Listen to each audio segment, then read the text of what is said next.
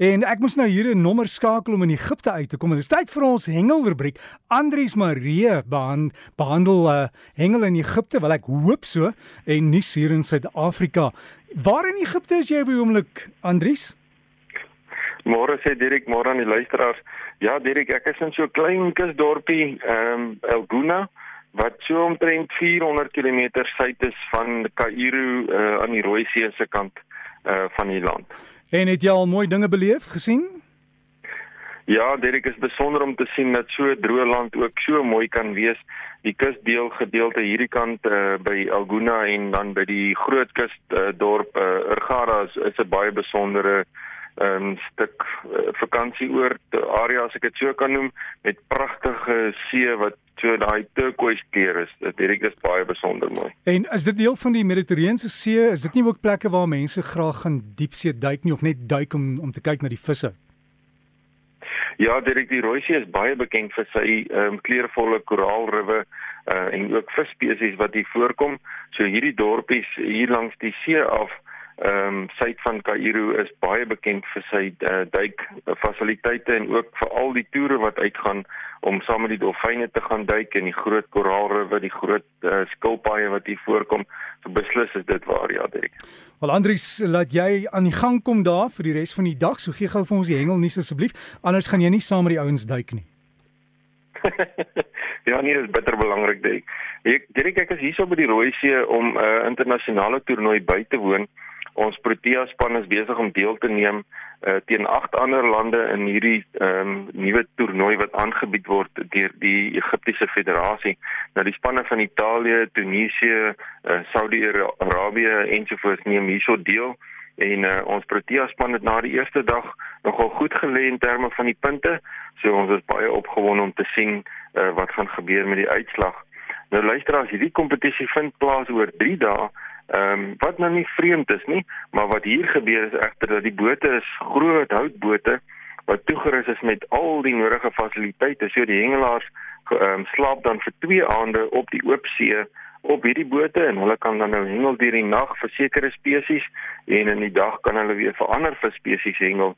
Dis natuurlik nie iets wat by ons in Suid-Afrika plaasvind nie maar die visspesies wat hier voorkom uh, voel, uh kom nogal in Suid-Afrika ook voor. So dis nie vreemde vis wat ons hengelaars nodig het om te vang nie. Nou aangesien die Rooi See baie kalmer is as die oop seewater daar by Suid-Afrika se kusgedeelte, maak dit natuurlik baie makliker om op die see te kan slaap.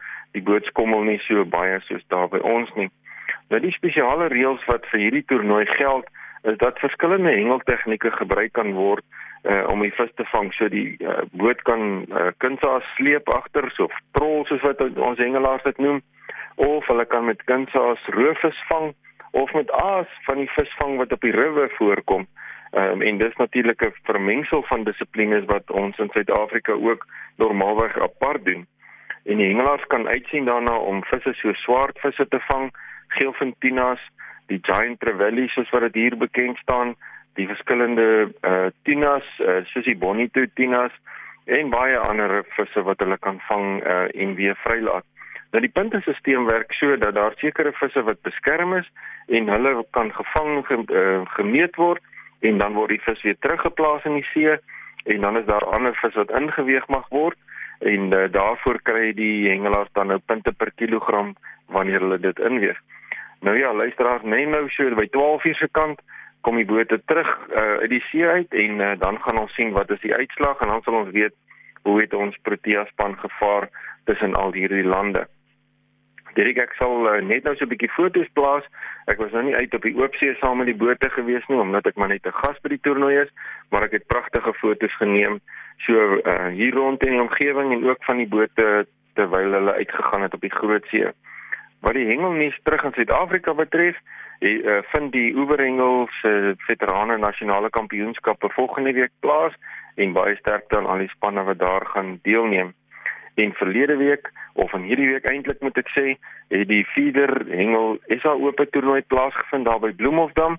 Die span van Nederland het teen die Protea span deelgeneem en die Protea span was daar gekroon met die goue medalje. Baie geluk aan die span en uh, hulle het 'n hele klomp karpe en babers kon vang tydens hierdie paar dae se hengel.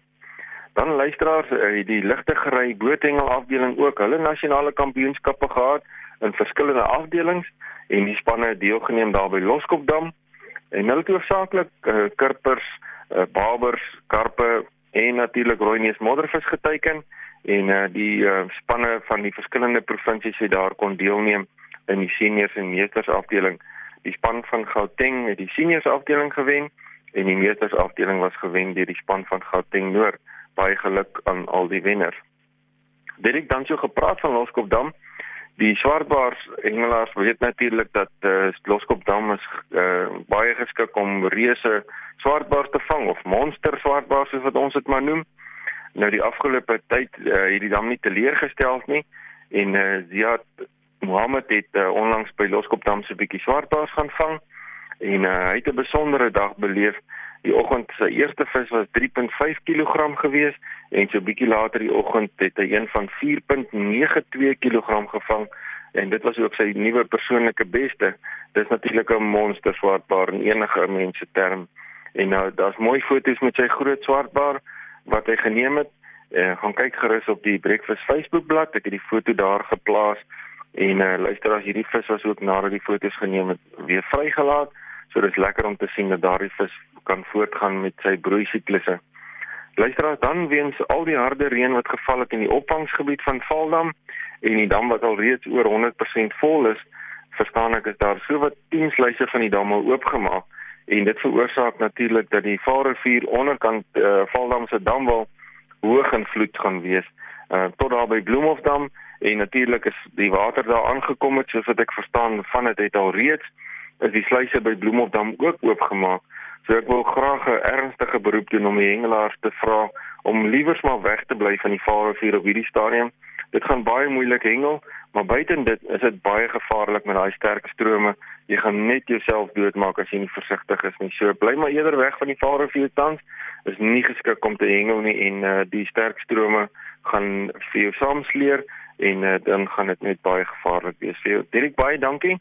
Dis die hengelmis hier van Egipte af en volgende week is ek weer tuis. Andries Shokran, soos hulle daar sê, vir dankie en jy moet dit geniet.